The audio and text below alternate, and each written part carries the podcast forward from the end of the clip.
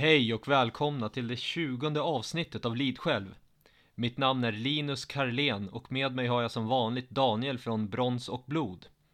Ikväll kommer vi att diskutera den andra delen av Kata Dahlströms samling Nordiska hjältesagor. Vi berör även holmgång, cricket och vikingatidens träldom med mera. Mycket nöje.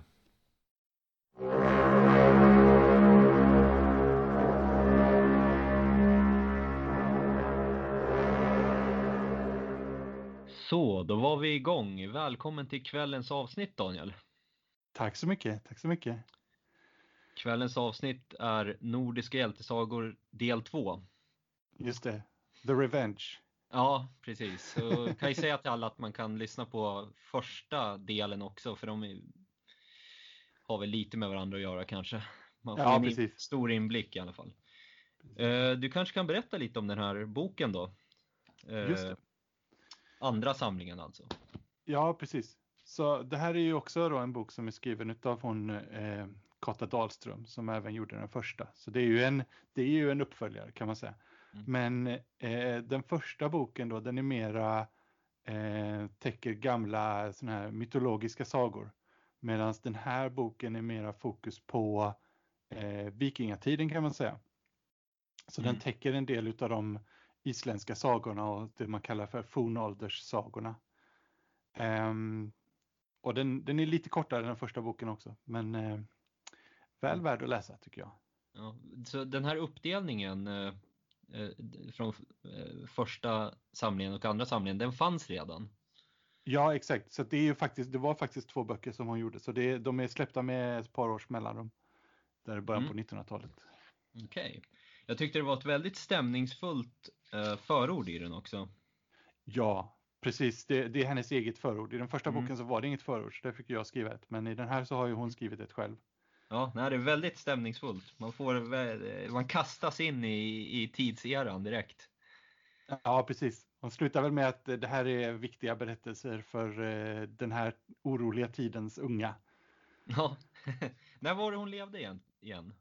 Eh, alltså hon, eh, hon eh, är väl född på 1800-talet och levde en liten bit in på 1900-talet. Eh, jag har inte de siffrorna i huvudet tyvärr. Nej, nej. Mm.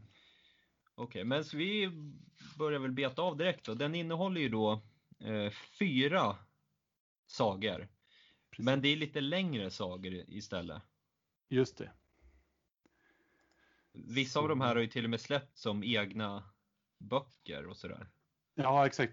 Och hon har ju, eh, hon har ju bearbetat dem också så att de är ju eh, kanske, vad ska man säga, de är kanske inte riktigt så långa som när de är en egen bok. Jag, jag har ju Jomsvikingasagan i en annan eh, upplaga. Ja, ja. Och eh, den är 100 sidor lång. Men jag försökte, det. jag försökte bläddra igenom lite och sådär. Jag hittade liksom in, ingenting som stack ut eh, något specifikt. Det var kanske lite, mer, lite i början och lite förklaringar och sånt där. Men det var ingen så att säga main event som var borttagen eller så. Så det är ju Nej, egentligen precis. samma story va? Ja, precis. Nej, men det är ju det som är bra också med hennes, eh, hen- hennes, både denna och den förra boken, att hon är väldigt trogen mot källorna. Så hon har liksom inte gått in och försökt göra den, eh, vare sig snuttifiera den eller, eller du vet, försöka ta bort några detaljer som Mm. kanske är otrevliga och sådär. Mm. Så att, Eh, ehm, Du som är intresserad av sådana här saker, du vet ju hur det går när folk som är kristna oftast försöker skriva sånt här så blir det ju oftast en eh, pro-kristen touch. Och då kan vi nämna då att Kata Dahlström var ju faktiskt inte kristen. nej, hon var väl, man får nästan kalla henne för hedning, för hon var ju, hon, eller hon kallade sig själv tror jag för buddhist. Mm. Eh, Men hon var ju väldigt intresserad utav, utav eh, eh, nordisk hedendom, utav eh, grekisk mytologi, men även då utav, utav eh, buddhism. Mm. Så att, ehm, Så det kanske är en avgörande detalj. det kan vara så, precis.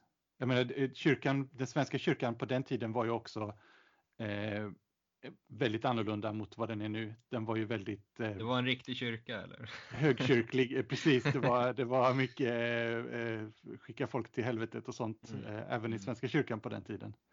Ja, och vördnad inför Gud och, och sådana saker som... Precis, precis, precis. Mm. Ja, men vi kan Nej, slänga oss vi- in då. Första Mm. sagan är då Härvararsagan. Den kallas väl även eh, är det Hervors, Hervor- Hervors saga? Precis, Hervor saga och Heidreks brukar man kalla den. Mm, precis. Jag har ju ett annat namn på den. Den borde egentligen heta Tyrfing-sagan. Just det. För att eh, den här människan Hervar är ju, det är ju bara en i mängden. Det är ju ingen som sticker ut egentligen på något sätt. Nej, precis. Och däremot Tyrfur, äh, Tyrfing är ju, det går ju genom hela sagan. Men jag kan börja lite då, eh, Mm. en kortare sammanfattning i alla fall. Det är en person som heter Svaferlane, fast i boken stavas det Svafferlami, går knappt att uttala det. Nej. Och han var då enligt sägen en kung i Gårdarika, vilket är dagens Novo, eh, Nov, vad heter det, Novgorod i Ryssland. Då. precis. precis. Och han var den första ägaren till det magiska svärdet Tirfing. Och eh, svärdet ursprung är ju så att det, eh, bild, det skapades av två eh, dvärgar som hette vad är det, eh, Durin och Dvalin. Och så fick ju han det här svärdet då, eh, den här kungen. Och det var det vackraste svärdet världen någonsin har skådat med sitt gyllene fäste och klinga och allting. Men innan de här dvärgarna sprang iväg, då la de en förvandelse på svärdet. Att varje gång det dras måste någon dö. Just det. Så det kan ju vara någonting positivt om du är i krig, är det ju såklart positivt. Att då vet du att du kan alltid döda någon. Det finns alltid någon att hugga in på. Ja, precis. Ja, precis. eh, och då har han det här svärdet och så hamnar han i, i bråk med Arngrim. Eh, och eh, Svaferlane drar svärdet och så hugger han efter Arngrim. Då klyver han av Grims sköld men svärdet fastnar i marken och så hugger Arngrim av eh, Svaferlanes hand och tar svärdet. Så då har svärdet bytt ägare. Och det är ju den här Arngrim, han går under namnet Arngrim Berserk och det är han som egentligen är anfadern till de det kommer handla om i den här eh, berättelsen. Ja, ja, just det. Precis. Han är ju stamfar till den svenska kungasläkten Munsöätten Just det. Som eh, där Björn Järnsida ingår. Ja, ja. Och enligt sägen ska han vara, han har en gravhög inte så långt ifrån där jag bor. Jaha. Mm. Men den, den här Arngrim Berserk, han fick i alla fall 12 söner. Och den äldsta av de här 12 sönerna, det var Angantyr. Angantyr. Och eh, han fick svärdet av sin far. Mhm. Och alla de här eh, sönerna då, de var fruktade vikingar. Eh, och Angantyr, han blir så småningom dödad av Hjalmar den Hugstore. Som, eh, han är med i berättelsen om Orvar Odd. Just det. Och Hjalmar den Hugstore dör även själv i striden. Just det. Och detta är då på, på Samsö, va? Mm, precis, just det, Det är Samsö, det, det är platsen i, som de återkommer till i den här berättelsen. Just det. Och han begravs med, släpp, äh, med svärdet och många av hans andra bröder, de var ju 12 bröder, de dödas av den här andra hjälten som heter Orvar Odd. Fast de är inte med egentligen så mycket i den här sagan. Det är att två sagor stöter ihop med varandra vid den här Ja, precis. precis. Exakt. Aha. Och då kommer vi till Hervar som är då Hervar sagans eh, som den är döpt efter eller uppkallad efter. Ja, Man ska inte använda ordet döpt egentligen för mycket för det är ju egentligen fel innebörd att säga att Nej, saker är precis. döpta efter någonting. Men hon är i alla fall en sköldmö som levde som ett råskinn. Eh, Hon är dotter till den här Angantyr och en kvinna som heter Tova. Och hon tar sig till sin döde fars gravhög och lyckas eh, få ut svärdet genom att eh, prata med han. Just det. Mm. Det är ju intressant. Det liknar ju lite grann eh, eh, vad är det, Völsungasagan. Ja, Eh, där är det ju en som, men då är det mamman som ligger i, i eh, graven. mm. Men eh, det här är ju också att man gick ju till gravhöga förut för att besöka de döda och så då pratade man säkert med dem och tänkte Ja, sig väl då att man hade någon en kontakt. Precis. Eh, det händer ju en massa saker under hela, det här är ju bara en kort eh, sammanställning va, men det händer ju, det är jättemycket bråk och grejer i den här sagan. Sen kommer ju Hedrik då, som är son till Hervar. Och han är den som kommer att ut... Eh, nu glömde jag här i början med det här svärdet. De här dvärgarna, de sa att det skulle eh, tre Um, tre nidingsdåd. nidingsdåd ligger i det här svärdet. Så de som har svärdet kommer att utföra tre nidingsdåd. Och den här eh, Hedrik som är sonen till Hervar, han utför svärdets första nidingsdåd. Och det var det att han dödade sin bror, som även han då hette Angantyr. mm -hmm. Ja, jag kommer inte ihåg exakt vad han gjorde. Han drog väl svärdet och så... Mm, de, det var något tjafs där och ja, de flydde det. tillsammans och så dödade han han och tog svärdet. Då. Eh, även det andra nidingsdådet utförde han. Det var när han dödade sin svärfar Harald och dennes son som ett offer till Oden. Just det. Och den här Hedrik, han dödas av sina trälar.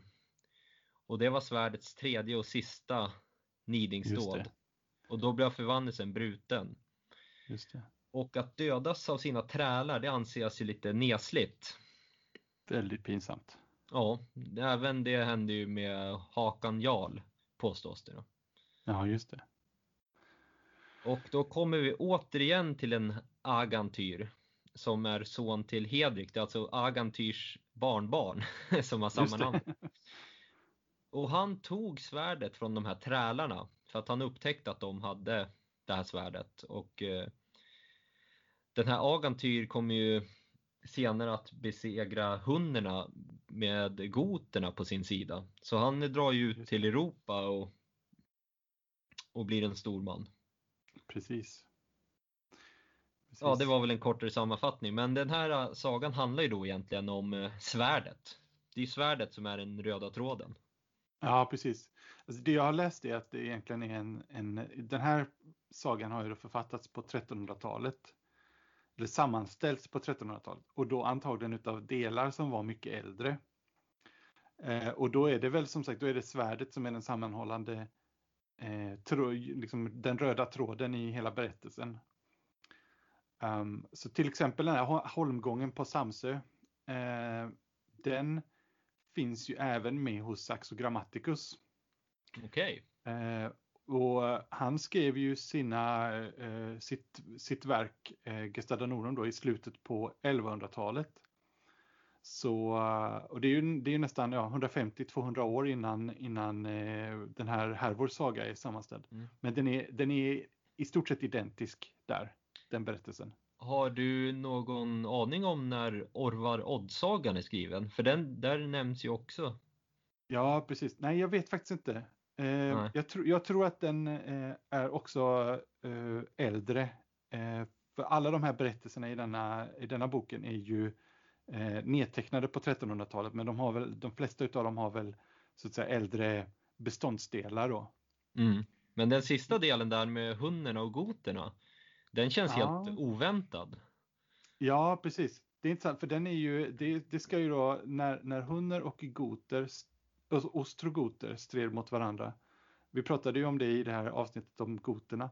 Det mm. var väl, eh, åh nu, 400 400-talet. Början, början ja, mitten det... på 400-talet tror jag. Um, så det är ju liksom, det är långt före, före vikingatiden. Mm. Och det känns, eh, det går väldigt fort. Att det är ingen lång uppbyggnad till att jag, han bara, det bara skrivs in lite snabbt sådär kan man säga. Ja, precis. Men även där i den delen så finns det en, en del som egentligen finns i, hos Saxo Grammaticus. För även han skriver ju eh, om kriget mellan Fast han säger ju att det är danerna och, eh, och hundarna. Han vill ju liksom peta in ja, det, ja. eh, danskarna överallt.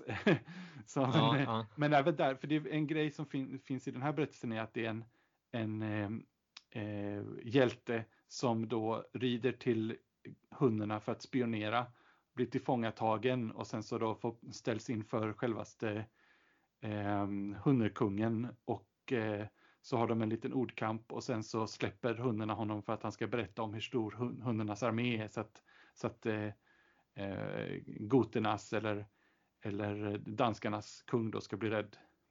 Okej. Okay. Men eh, det här eh, holmgången på Samsö då, det måste ju ha varit en stor grej. Exakt.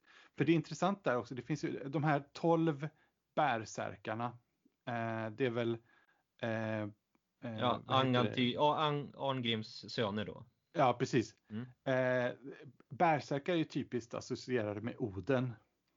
Men eh, de här eh, eh, två, Orvar Odd eh, och hans, eh, eh, är det Hjalmar då, som är hans kompis, de är ute i skogen där. För anledningen till att de har hamnat på Samsö är att de har fått problem med sitt roder på skeppet. Så de, de stannar där. Eller nej, de, de har fått problem, men de har, de har faktiskt stämt möte där för att utföra den här holmgången. Så är det. Men eh, då är de inne i skogen just när, när de här 12 bärsärkarna kommer. Eh, så det som händer är att de eh, kommer ut ur skogen och då har han bara ett, eh, sitt, eh, eh, vad heter det, rodret att, som inte är riktigt tillhugget ännu att slåss med. Så han har ju liksom en klubba. Och en klubba är en symbol för Tor. Så vi kan säga att egentligen är det någon slags kamp mellan eh, Oden och Tor här. Okej.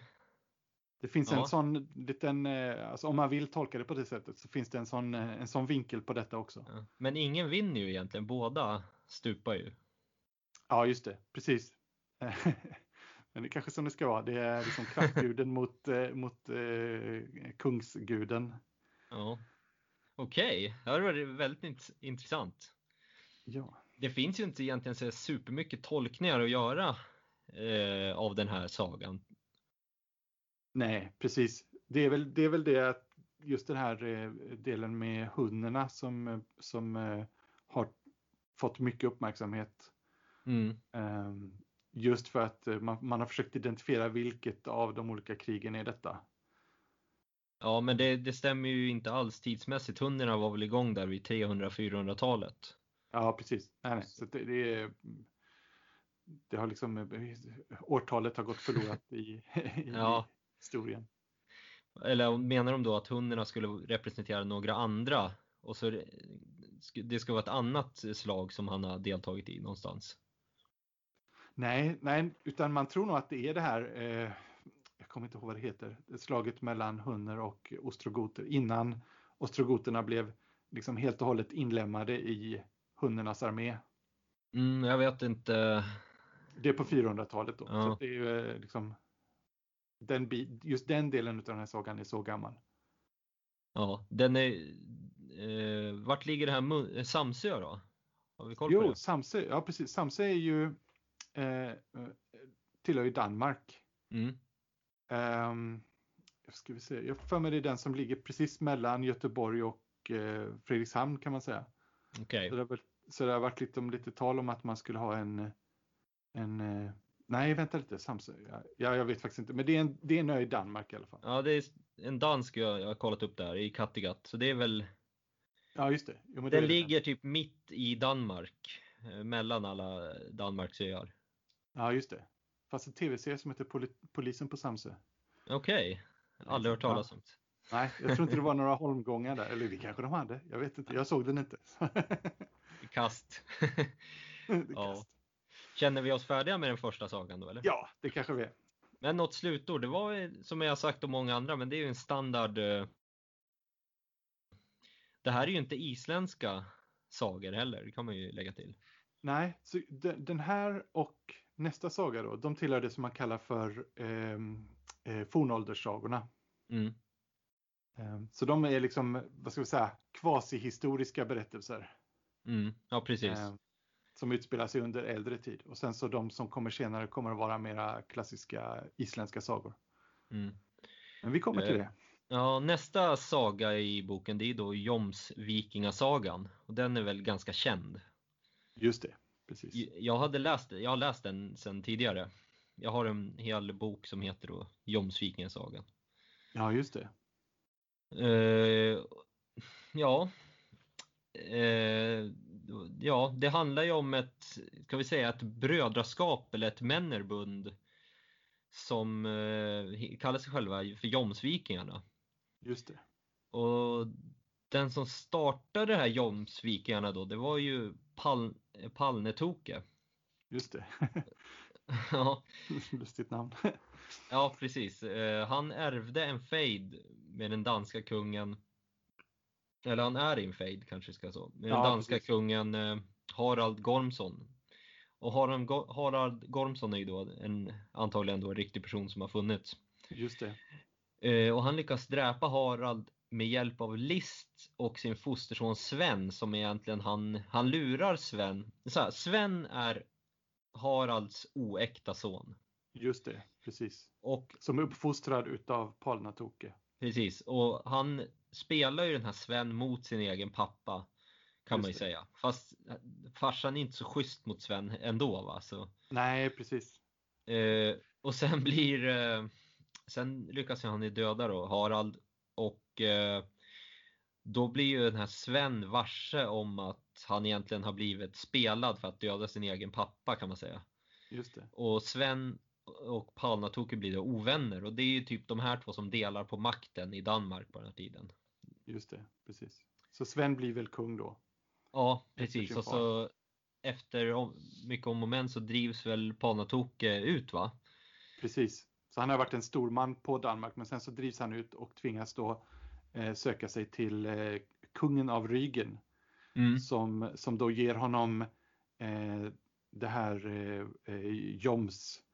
Mm. Att han får bygga en, en, en eh, borg där på Joms.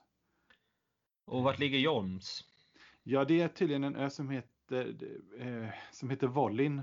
Mm. Så Rügen är ju liksom, det är nordöstra Tyskland, så det är en ö som är, vad ska man säga, det är bland annat Tysklands nordligaste punkt finns där. Mm, Det ska ha funnits ett gammalt tempel där också. Precis på Arkona som Mm. var eh, då Saxo Grammaticus var väl antagligen med och, och eh, rev det templet och tvingade de här. När han, han åkte, jag tror att han åkte med den här, eh, eh, heter han, eh, biskop Absalon som kristnade eh, Rygenborna. Mm. Eh, Men bredvid den så finns det då, så den polska gränsen är precis där bredvid och där finns det en turistort som heter Swinoujscie. Eh, Och den ligger delvis på Wollin, så mera mitt på Wollin då så har man hittat rester utav ett gammalt, eh, ja en, en vikingaborg Mm. som antagligen är den här Jom. Ja, och eh, även om inte den här boken är helt, eh, sagan är helt sanningsenlig så är det ju så att det har ju funnits en borg där, så långt vet man ju. Precis, precis. Eh, idag ligger det, det tillhör ju Polen idag, men historiskt så har det väl varit mer ett germanskt område. Ja, precis. precis. Det är väl i de här trakterna också som goterna eh, hade sitt urhem. Ja, inte om du pratar med Ingemar. Ja, det är väl, nej okej. Men alltså det, det är kanske lite längre österut, men jag menar det, deras, deras bosättningar på, på äh, vet du, ja, Östersjöns Alltså sydkust. när, när de tog sig och blev stora så att säga. Ja, precis. Mm. Ja, det, då drog ju den här Palnatoke iväg och så bildade, han- fick han mark och så byggde han den här borgen. Och så han hade ju med sig en massa män då, så de skapade de här Jomsvikingarna, vilket var egentligen ett eh, elitförband. Och jag tänkte läsa vilka regler som gällde Ja, i Jomsborgen.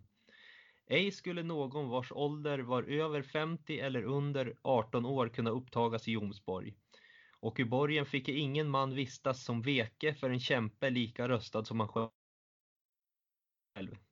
Ej heller den som ryggade tillbaka för kampen mot tvenne män. Om någon av vikingarna föll vore det andra skyldig att hämnas denne döde, så som om denna varit en far eller bror. Uh, tvedräkt finge ingen kämpe väcka inom borgen eller och ej heller fick man fara med ont och osant rykte. Man skulle leva i sämja såsom bröder, inom Jomsborgs murar fick ingen kvinna komma. Ej heller ägde någon viking rätt att utan Palnatokes lov vistas längre än en natt utanför borgen. Bröt någon mot dessa lagar skulle den skyldiga eh, förgöras. Det månde nu vara en aldrig så förnämlig kämpe. Eh, Just det. I god sämja vistades nu. Ja, så det är väl inga mer egentliga regler. Precis. Ja, nej men det var ju det ju helt enkelt regler och lagar som gällde i den här borgen Precis. och följde de fick du inte vara en del av det här gänget. Precis. Men det kan man ju tänka sig att detta kanske var en typisk samling med lagar som var för ett eh, sånt här vikinga eh, band. Mm. Att eh, Mm. det är liksom saker och ting som krävs för att man ska kunna hålla sams. Ja, Även om det, jag även om det är menar- lite grann nästan, eh, vad ska man säga, någon slags munkgrej där också, att det inte får finnas några kvinnor innanför borgens murar. Ja, ja, just det, men jag kan tänka mig de andra grejerna, till exempel att man ska hämnas. Eh, Det, det var säkert ganska standard, kan jag tänka mig. Det, det är alltså det här med att eh, gruppen hämnas eh, orätter mot enskilda medlemmar är ju alldeles, eh, det är liksom kärnan i alla sådana här, om du tittar på kriminella gäng idag. Ja, Eh, många skott i benen. Ja men exakt, det handlar ju om det, liksom att, att eh, blir, du, blir du som medlem utsatt för någonting så kommer dina kamrater hämnas. Ja, men vi säger så här att eh, du är med i ett kriminellt gäng eller en fotbollsfirma eller en eh, ja, någon fight club grej. Då är det ju så att då kan inte du vara inte slåss själv. Du kan inte låta alla andra slåss och så själv tittar du på. Nej. Det är liksom det de också vill komma åt. Att du kan inte bara komma med där och, och leva på andras respekt och sådär. Nej, precis. Så det är ganska vettiga regler. Mm.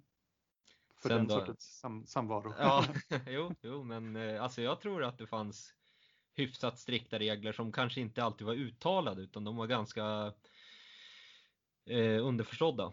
ja precis. Precis. Alltså egentligen alla nordiska hjältesagor handlar ju om att någon hämnas någon annan.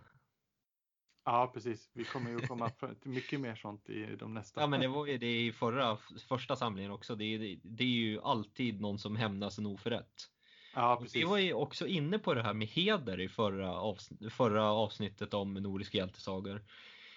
Du vet, vi, vi, det här med duell och så här att man, man tog heder var det här att någon mördade din bror så gick du och mörda den och sådär. Och Ja, I precis. Sverige idag är det ju som, som vi sa även då att det är tvärtom. Man liksom, folk så här, gruppvåldtar ens dotter och man hämnas inte ens. Nej, precis. Det Det är ju att eh, staten har tagit över den rollen. Mm, mm. Det, det är åtminstone i teorin åtminstone. Ja, precis. Så det är ju helt tvärtom från Ja, precis. Palnatokes id- ideal. Ja, precis. Nej, men det fanns ju inte. Det, det fanns ju liksom ingen, ingen rättsstat på den tiden. Det som fanns var väl eh, ting. Det fanns Eh. ting, eh, sen, det fanns ju ting man kunde bli dömd till fredlös och så men det var ju genomkorrupt för att den som var, hade mest folk på sin sida eh, segrade ju tinget. Precis. Och det var ju inte så att bara för att någon blev dömd till fredlös så eh, var det någon som var det liksom någon som kom och utförde straffet utan det var ju fortfarande upp till dig. Det var bara det att du hade rätt att utkräva hämnd. Man Ja. hade bedömt att du hade rätt att göra det. Mm, precis. Ehm, Så du riskerade inte då att bli, bli fredlös själv om, om du gjorde det, alltså tog din hämnd efter att tinget hade sagt sitt. Men om du gjorde det innan så kunde du ändå få rätt på tinget. Mm. Men det fanns ju även regler, nu kommer jag inte ihåg, för, eh, om någon eh, eh, säger något dumt om en, vad säger man, kväder nidingsord eller något sånt där. Ja, just finns det det. ju ett, regelformat hur det skulle hur hämnden ska gå till och du kan bjuda ut den andra till holmgång och dyker han inte upp då är han en niding och dyker den första som blir kallad typ för fjolla eller någonting inte upp då är han då en fjolla. framöver. Ja, just det, precis. Precis. det, det, men jag tror som sagt att det här var ganska underförstått. Det var liksom det samhället var. Ja, jag tycker det känns ganska logiskt faktiskt. Precis. Ja, Ehm, ja, men det som händer då, om vi fortsätter i, i sagan, Ja, det är att precis. Palme. Nej, hade du något att, att säga? Nej, nej, nej, det var inget mer. Eh, den här uh, Palnatoke fick ju ett barn som bodde kvar och vaktade hans borg i, i Danmark. Och i sin tur fick även den personen som inte kommer ihåg vad han hette ett barn som heter Vagn Åkesson. Åke hette han ju då såklart. Eh, Vagn Åkesson. Det är barnbarnet till Palnatoke. Och han Just. kommer till Jomsborg även fast han är 12 år gammal. För att han är så, han är en sån eh, hjälte redan då. Just Så- det, en sån ja. ja, han släpps in eftersom han utmanar ju några där till de säger att han inte får komma in för att det är en pojkspolning och sådär. Då utmanar han några till holmgång men de vill inte riktigt ställa upp och sådär. Nej, just det. och då blir ju han den, den nya huvudpersonen i sagan. Just det. Och Palnatoke dör. Och i och med hans död, då lättas på de här reglerna i Jomsborg. Just det. Så det blir mer fest, mer kvinnor som är där och mer, eh, mindre militärisk disciplin. Just det. Eh, Det och början på nedgången. Ja, precis. Och det, det är ju en massa vikingar här som nämns vid namn, men jag vet inte om det är så intressant, alla de här. Det är ju det som är grejen med de isländska sagorna och fornålderssagorna, att det är så förtvivlat mycket namn. Ja. Och, och de, de är väldigt lika varandra. Tor Mm. Grim, Tor Sten, Torkel. Ja. liksom. ja, det kan bli rätt rörigt. Sen har de ju sina barn och barnbarn heter ju samma namn som typ någon fas, farmor och alltså, ja, precis. Vad var det? Var det tre stycken Angantyr vi hade Ja, i första? så, och så kommer ju Gisle sen i framöver. Men i alla Ja. fall, de kommer till, eh, det händer en massa i den här sagan och till slut så kommer de till eh, slaget i eh, vad Gör, Ja, Görungavåg. ja, Görungavåg, ja. Det är ju ett klassiskt eh, slag. Och eh, Jomsvikarna förlorar faktiskt det här slaget. Det är, det är mot Hakan Jarl och eh, hans, han har ju också åkt runt och samlat en gigantisk armé för han var ju beredd på det här. Det. Eh, och då blir det så att de ska avrätta dem en efter en då. Men då händer en massa saker om varför de ska bli benådade och såna här saker. Just det. Bland annat så är det en där som ska bli halshuggen. Men då vill han inte att hans hår ska bli avskuret. Så han ber någon hålla i håret. Just det. Och så ska den andra hugga. Men precis när han ska hugga då drar han och så blir händerna på den här personen avhuggna istället. Just det. Och det är med i serien Vikings fast i Just ett helt det, annat eh, tillfälle. Just det. Det är i, i York är det väl som de... Ja, nej det är ju Ja. typ Paris tror jag. Alltså är det Paris? Okej, Ja. just det. Men Precis. eh, det finns en i den här, vid det här slaget som heter, vad heter han, Bue? Sigurd Bue eller vad heter han där? Karaktären. Okej. Ja, det är någon av de här kändare Jomsvikingarna i alla fall. Ja, Eh, han har ingen större roll egentligen. Han är bara en, en av ledarna fast ja, en, det är väl en tre, fyra stycken som har ungefär lika stora roller där. Förutom den det. huvudpersonen. Och han, han möter, jag har läst Färingasagan ja just det. och då, där finns även det här slaget med, det här äh, Görungavågslaget fast man får den andra sidans version. Ah, vad intressant. Ja, och det handlar ju om han, vad heter han nu då? Sigismundur som det handlar om. Och Okej. han, är, han blir ju rekryterad av Håkon Jarl och stanna på, i, Nor i Norge för att vara med på det här slaget. Och då slåss han mot den här Sigurd Bue eller vad han heter. Som ja, är då en ja, ja. huvudkaraktär. Och den här Sigurd Bue han, han dör då, han hoppar ner i vattnet och försvinner. Men det står Ja. ingenting om det i, i den här versionen av, av slaget. Nej, okej. Så Det är lite intressant att det är två skrivningar som skiljer sig. Eller de be, be, beskriver olika detaljer i alla fall. Ja, precis. Slaget har ju samma utgång och allt sånt. Men... Precis. För det som jag har läst, eh, jag vet inte var det var någonstans, att eh, just eh, Jomsvikingarna är, de är, de är liksom skurkar i norsk historieskrivning. Mm. Ehm, och det är för att de dödar, eh, de dödar någon, eh, är det Håkon Jarl som de Nej, dödar? De är, ligger i krig med Håkan Jarl, men Håkan Jarl dör väl inte? Han vinner ju. okej. Ja, ja, just det. Ja, nej vänta, de är med, de är med i slaget vid Svolder och, och lite sånt där också. Just det. Eh, Just det, hur är det med det nu? För det är också ett så här högintressant slag. Just det, precis. Vänta. Eh, jag ska kolla upp här. Eh, ursäkta, jag hade det här innan framme. Men... För slaget vid Svolder, det är ett sjöslag vid Svolder. Just och det. det är ju då mellan, det är en ganska så här lång eh, lång historia varför varför det slaget sker. Men det är i alla fall i Öre, man tror att det är vid Öresund nära Rygen då. Och det är ju mellan Olav Tryggvason som då dödade Håkon Jarl. Och så är det ju eh, en Olof Skötkonung, Sven Tveskägg och sådär. Och så är ju eh, vad heter de nu? Eh, Jomsvikingarna är ju med på något håll där. Jag kommer inte Ja, riktigt ihåg vilken de krigar för. Men det slaget i sig är ju väldigt intressant för att det beskrivs som en hednisk motreaktion. Just det. och det är ju då för att han, eh, Håkan Tryggvason, eller Olof Tryggvason, det är ju liksom den värsta tyrannen som levde på den tiden. Just det. Och även då fast det fanns andra kristna och sådär så tyckte de att han for för hårt fram. Just det. Så det finns en massa olika detaljer, bland annat att det här med då han skulle gifta sig och det blev någon misstag där och allt det där. Men att han, han som fick stryk, när Olof Tryggasson fick stryk i det här slaget, då lättades liksom trycket på de hedniska norrmännen. Så de fick blota fortfarande och lite sånt. Så. Ja, ja, ja. Och han som stred då mot Olof Tryggvason i det här slaget, det är ju bland annat e Erik Håkonsson och det är Håkon Jarls son som då egentligen fortsatte det religiösa inbördeskriget i Norge. Ja, ja. Mm. Det, det, där bör alla som eh, lyssnar kolla upp. Slaget vid Svolder. Just det. Eh, ja, och så den här Vagn eh, Åkesson då, han dör efter ett långt liv som en stor man.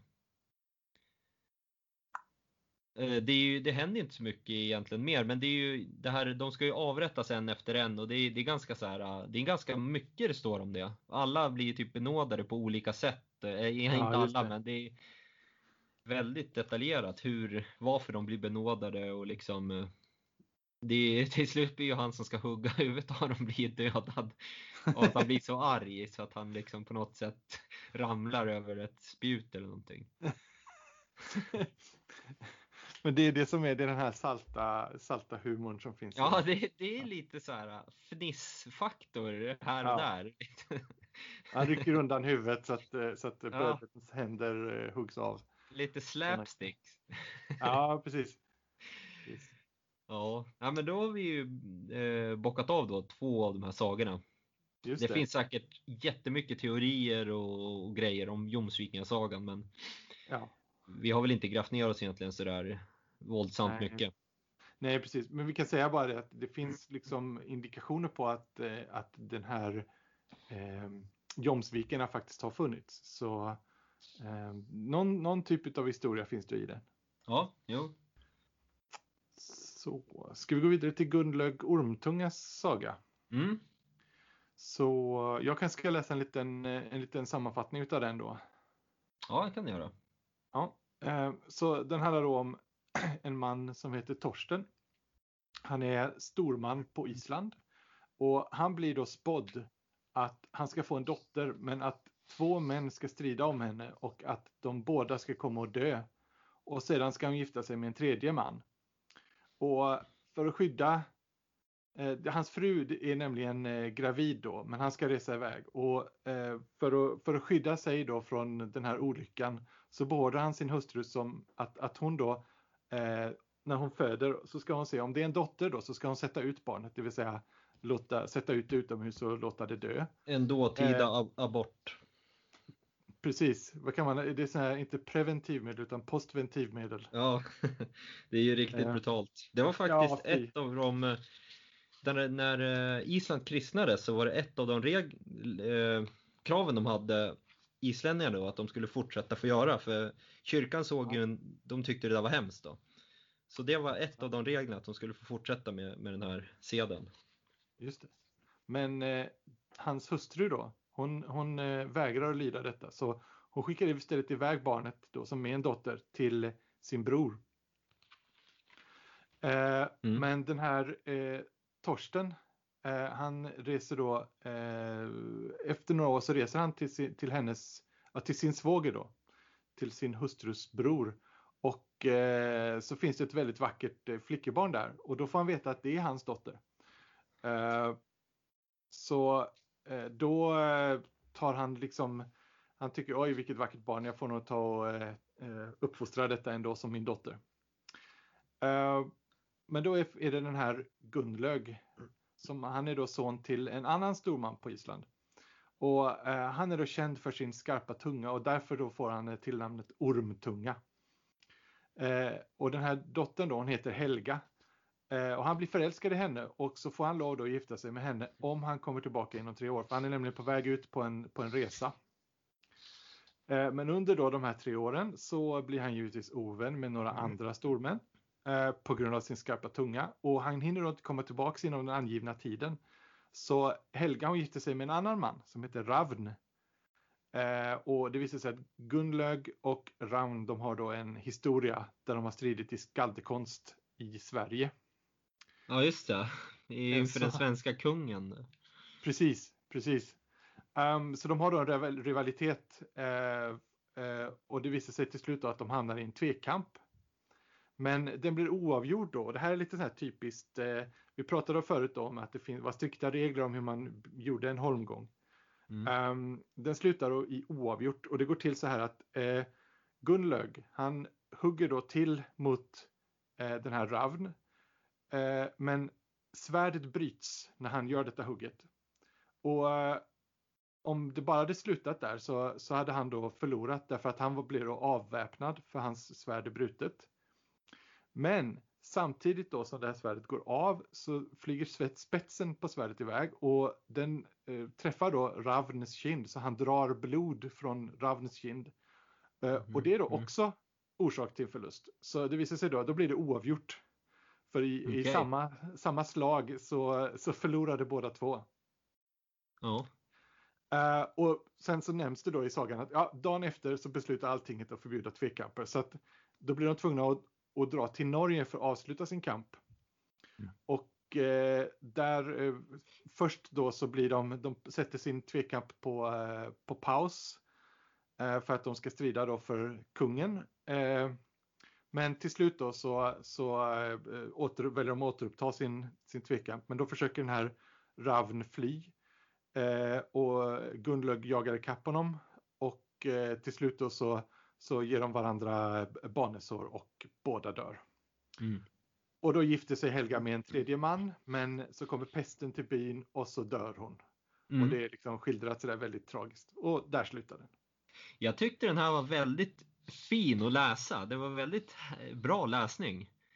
Den, eh, Precis. den, den skilde sig lite från att det var inte bara liksom eh, krig och krig och krig och krig. Det var liksom lite annat. Han reste väldigt mycket till exempel och det var lite en kärlekshistoria och sådär. Ja, precis. Och det är väl det som egentligen, om vi tittar på då, nu är detta en av de som vi kallar för de här isländska sagorna. Så den, den är ju lite mera vad vi skulle kalla för kanske litteratur. Så det är mera personporträtt och, Mm. och lite kärlek och lite dramatik och du vet eh, andra sorters intriger. Ja, ja men den var väldigt underhållande.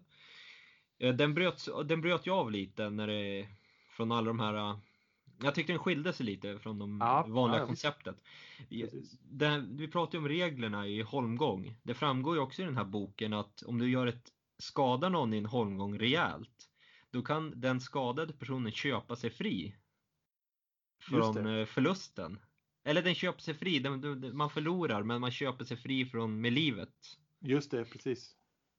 Det stod även vad det kostade men det kommer jag inte ihåg. Nej, exakt. Det var, det var några silverdaler Ja. och så vidare. ja, det är Men Det är väldigt... bra. Tänkte jag skulle dyka upp liksom det här äh, lagboken från år så här, 996 i Norge eller någonting. Det hade Ja, varit precis. riktigt intressant. Jag tänkte jag ska läsa ett stycke. Ja. Ja, visst. Eh, Du sa att han fick, han blev spådd, han spådde i början om vad som skulle hända hans dotter det här med att det var ju då att två män skulle kriga om, om det. henne och sen skulle de dö. Eh, Jag tänkte läsa, eh, det börjar så här, Torsten, eh, hennes farsa Torsten, han drömmer en dröm och då undrar han om någon person som heter Bard kan tyda den här drömmen. Och Torsten berättar. Eh, han i drömmen tyckt se sig en fager svan sitta på takåsen. Från fjällen kom en stor örn flygande och satte sig bredvid svanen och började locka på den. En kort stund därefter kom en annan örn flygande och satte sig på takåsen och började också locka på svanen. Då reste sig den första och de båda fåglarna kom i häftig strid med varandra.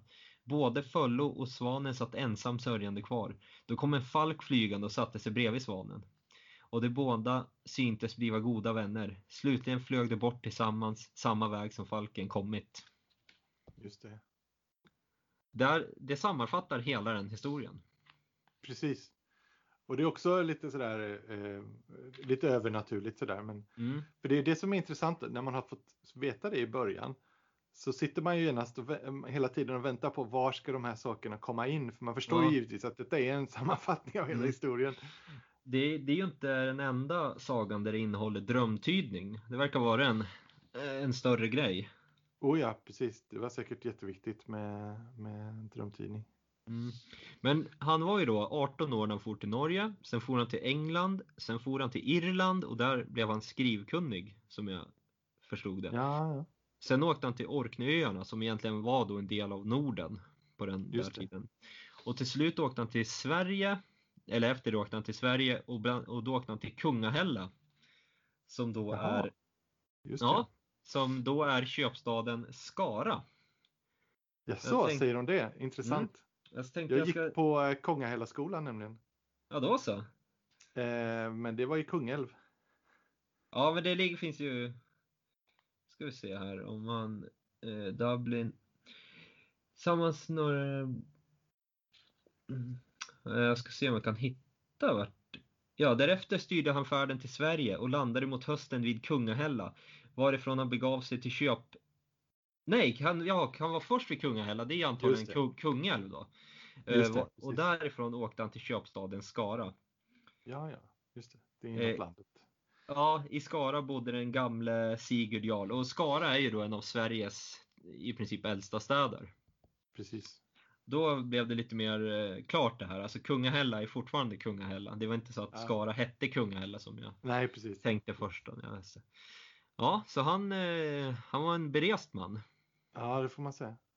Det, nej, men det, det är intressant för jag tror det finns många eh, små sådana här eh, vad heter det, ledtrådar till geografin också. Mm. Så det är sådana här saker som kan göra att man säger, ja men åtminstone på 1300-talet när de skrev ner det så fanns eh, Kongahälla. Ja. Men kanske var det till och med äldre då. Så det kan ju, ja. Nej men det är ju det är ledtråd, sådär, man får vara lite skärpt när man läser så man hittar sådana här guldkorn. ja precis. Ja, ja men det var ju det, det som jag säger då om att det var, den är fin att läsa, den eh, Ja, det var en fin historia. Mm, precis. Ja, men den är ganska, eh, ganska straightforward. Även om Mm. det finns lite, alltså det, för vi kanske ska gå vidare till nästa då. Ja, Eh, och den är rätt rörig kan vi ju. Ja, det, det är Gisle Surssons saga. Mm. Och eh, som sagt, den här eh, förra sagan då, eh, Gunlög Ormtungas saga, den är, den är rätt så straightforward. Det är liksom, vi har två generationer, men det egentligen utspelar sig allting under en generation. Medan då i Gisle Surssons saga så är den, det är en typisk isländsk saga på det sättet att eh, det, det är liksom flera generationer. Så du har eh, en som heter, eh, vad är han heter? Han heter Torbjörn. Ja. Eh, Och Eh, så är det, det, det händer mycket, ganska mycket. Det vill säga, så den här Gisle, han är lite, han är ganska aggressiv. Så han drar på familjen då eh, hämnd. Eh, så en fiende till familjen försöker bränna dem inne. Men Torbjörn räddar liksom då de flesta familjemedlemmarna genom att dränka getskinn i surmjölk som de råkade ha stående. Och släckte då elden med hjälp av den. Ehm, så då fick han tillnamnet Sur. Mm. Så han hette Torbjörn Sur och då hans söner då fick då namnet Sursson. Mm. Ehm, så det är liksom första delen utav, utav berättelsen. Det där är ju en så extrem eh, förenkling av första delen kan vi lägga till. Exakt, exakt. Nej, för det är det som är, det är, det som är grejen. Det är, det är många generationer. Eh, och sen så är då, vi kan säga... Det skulle ta en timme att eh, göra en ordentlig sammanställning av det här. Precis. Eh, så om man vill, vill, vill ha en sån så finns det ju det här eh, podcastet som heter Saga Thing. Mm. Där har de bland annat gått igenom denna. Eh, Mm.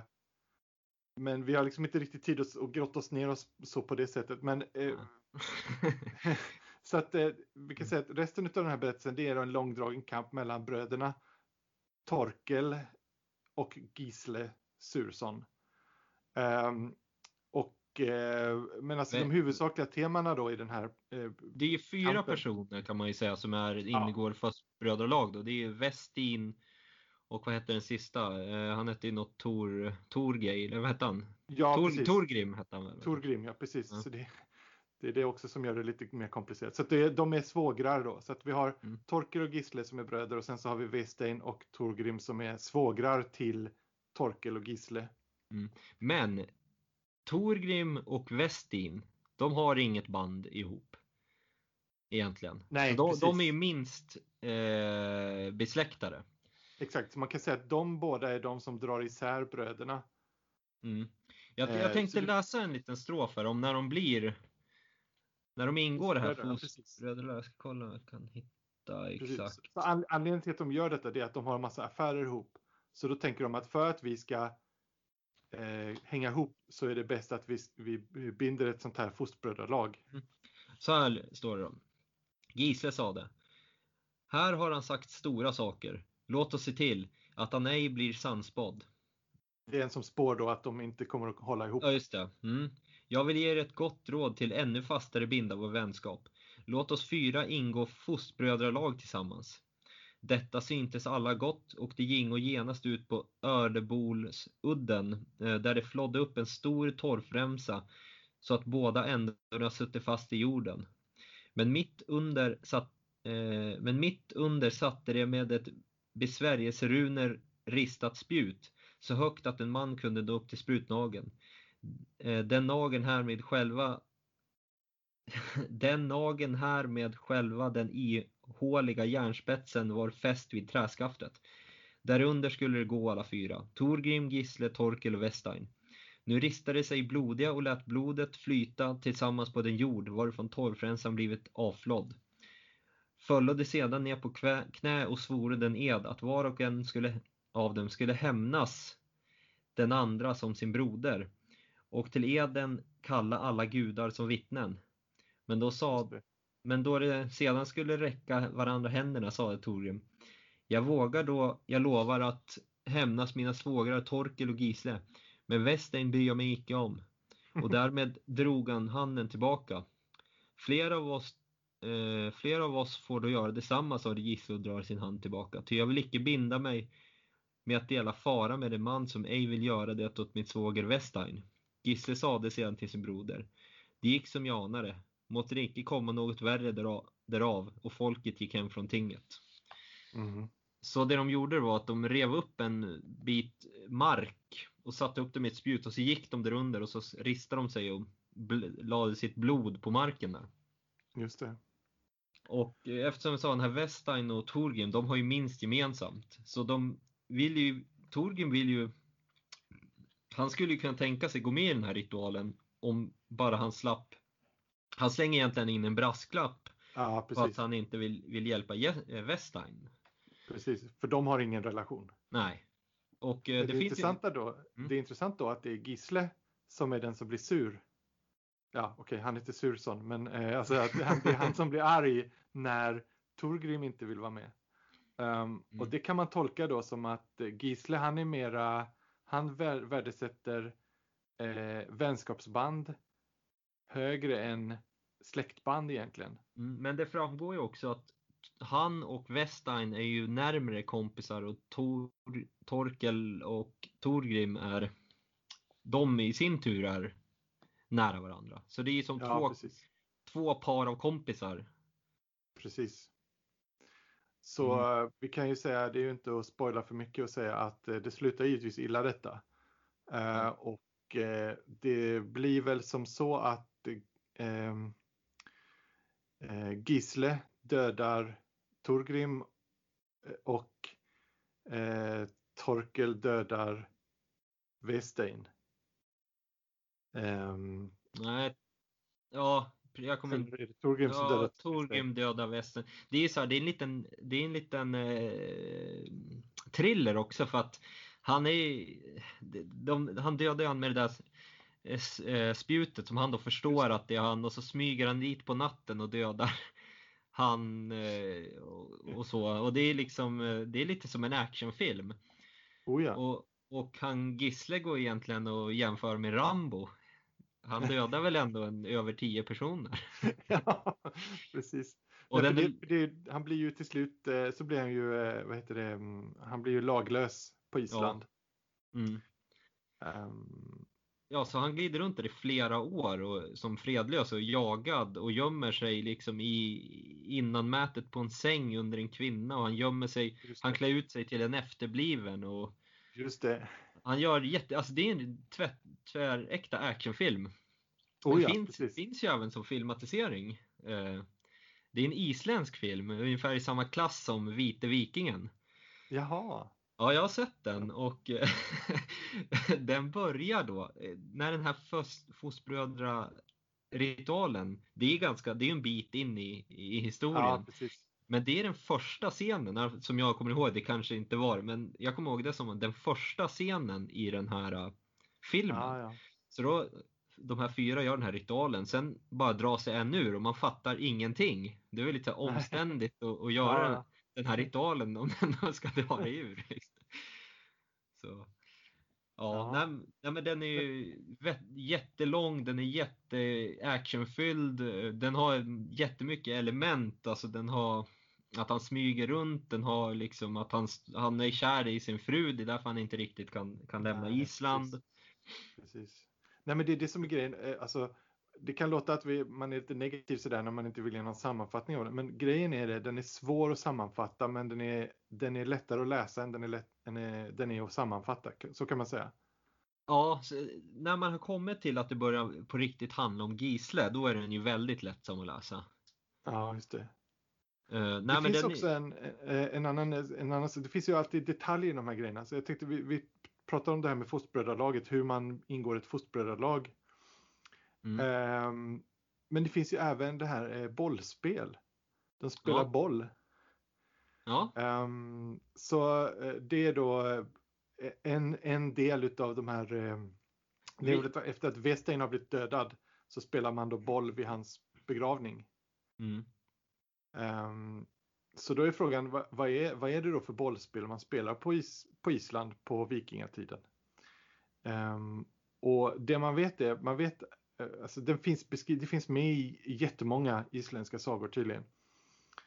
Ehm, och eh, jag hittade en beskrivning av det som kallas för knattleiker eh, på nätet. det någon måste ju sån här- betyda knattelek. Knattefotboll. Ja, jo. Nej men knatt är tydligen, det är, det, är, det är väl det som är bollen. Så det är någon sån Jaha, okej. bolllek. Jaha, Mm. okej. Jag trodde det var knatte var ju lite, ja. Ja, nej. nej eh, vi ska se, för då, då står det så här då. Det här är en text som jag hittade på nätet. Det är, jag tror det är Uppsala universitet som har eh, någon sån här ehm, eh, ja, förening där de då eh, går igenom olika ämnen på, eh, inom isländska sagor. Då. Eh, så då står det så här då att eh, en av spelarna hade en boll, troligen en ganska hård sådan. Mjuka bollar kom troligen först senare.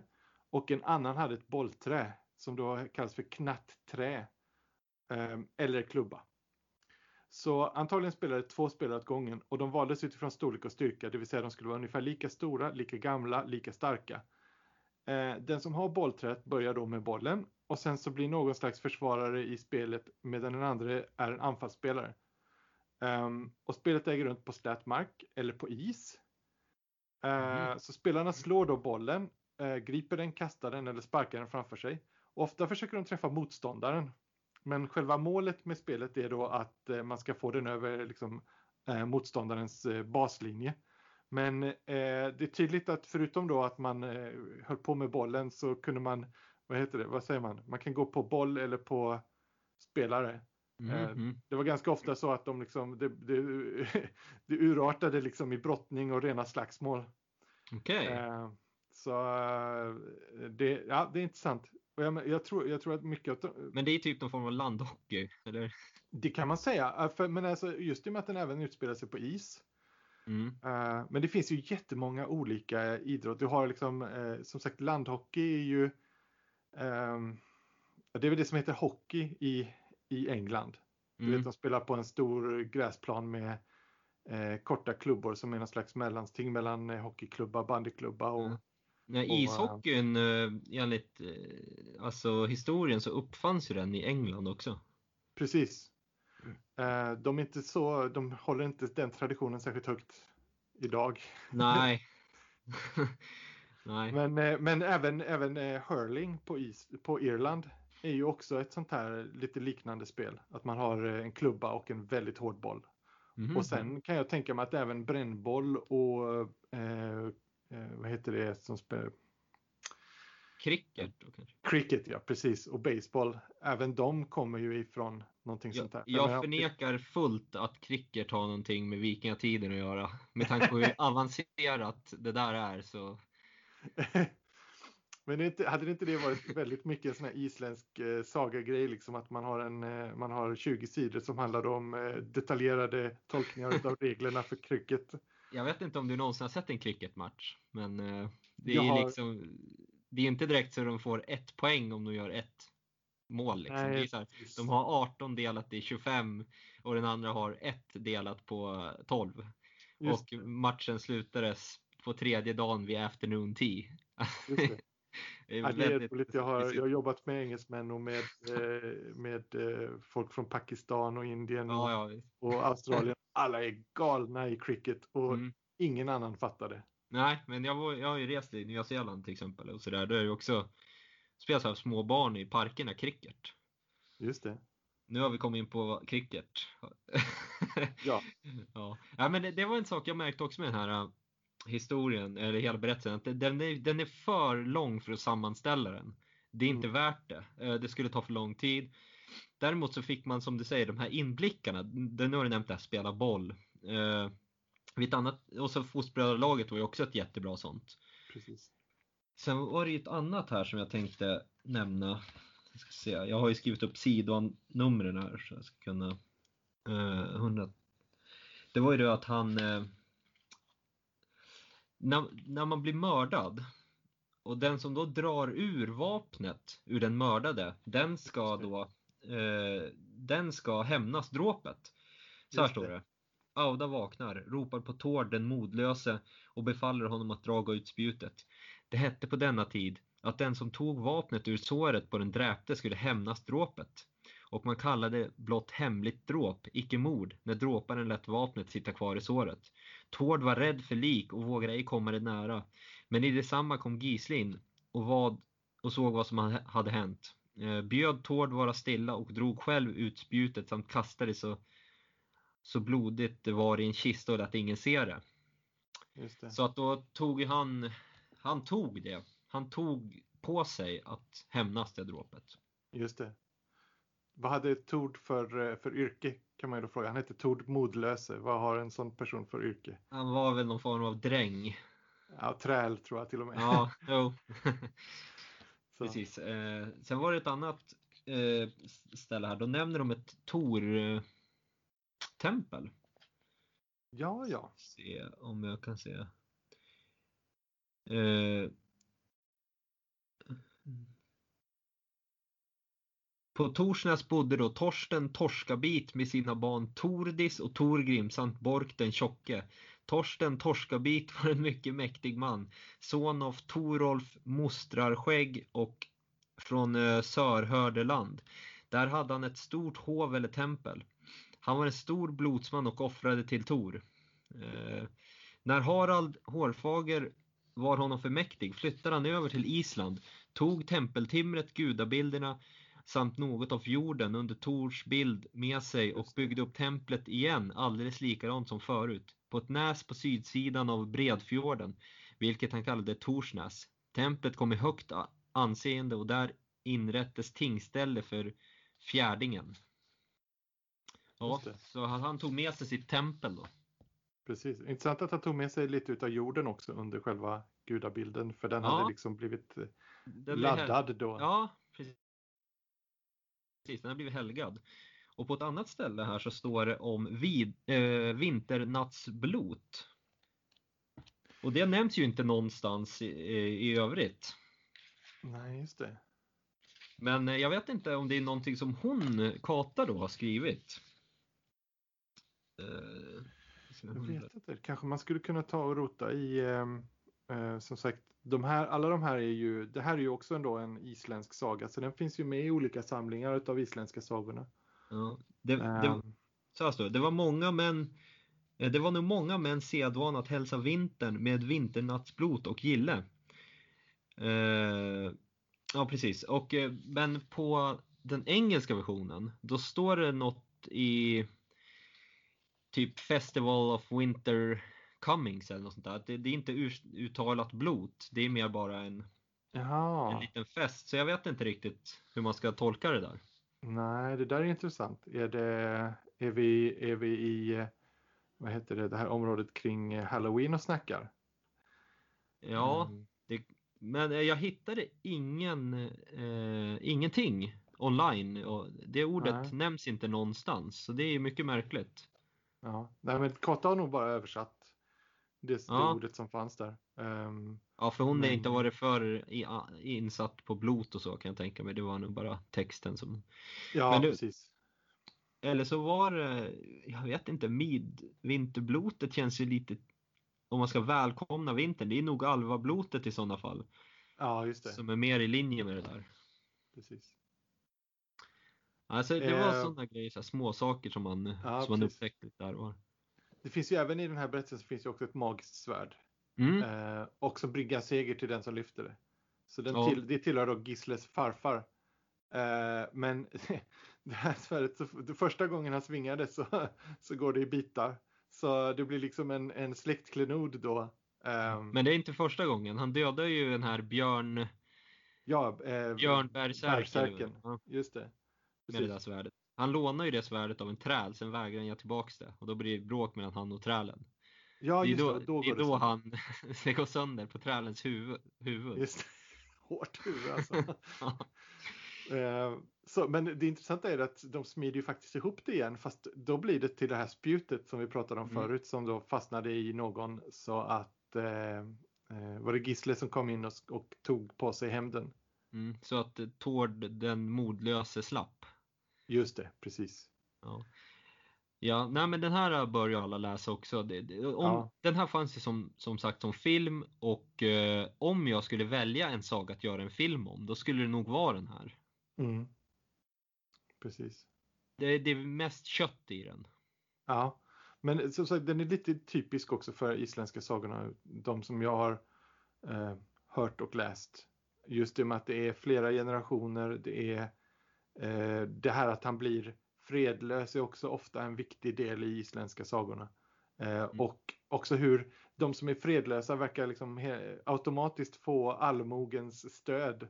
Ja, uh, ja. De får, får det är lätt för en, för en fredlös att få hjälp liksom. Ja, han får väldigt mycket stöd men jag antar i, i, att, han, att han arbetar av sin uh, skuld så att säga. Han, han kommer ju inte bara in nej, och nej. får mat utan han, han jobbar väl på gården. Precis, och, men, men han, de hade ju kunnat lika gärna skicka bort honom. Ja, jo, men han får ju inte det riktigt det så mycket stöd som han vill för att han har ju fått en förvannelse på sig. Just det, precis. Och det framgår ju också i den här sagan att han drömmer ju också om sin död. Och så Just blir det, det närmare precis. och närmare och närmare och sådär. Just det. Ja, det finns jättemycket detaljer i den. Spännande berättelse. Mm. Ja, det var väl det då. Ja, jag, det kände, det, ja. jag tyckte den här boken var jättebra. Ja, precis. Jag, jag, jag tyckte också det var jättekul att läsa. Alltså jag, jag, tycker ändå, jag har ganska bra liksom koll på vikingatiden och asatro och sådana grejer. Men jag lärde mig ändå ganska mycket nytt i den här boken. Det var ganska mycket mm. saker som jag, som jag snappade upp. Just det. Nej men det är ju också det, det här är ju, det här är ju verkligen vikingatiden. Den förra boken, och nu i och för sig så diskuterar vi i första, första berättelsen i Härvår saga om det var vikingatid eller kanske till och med innan.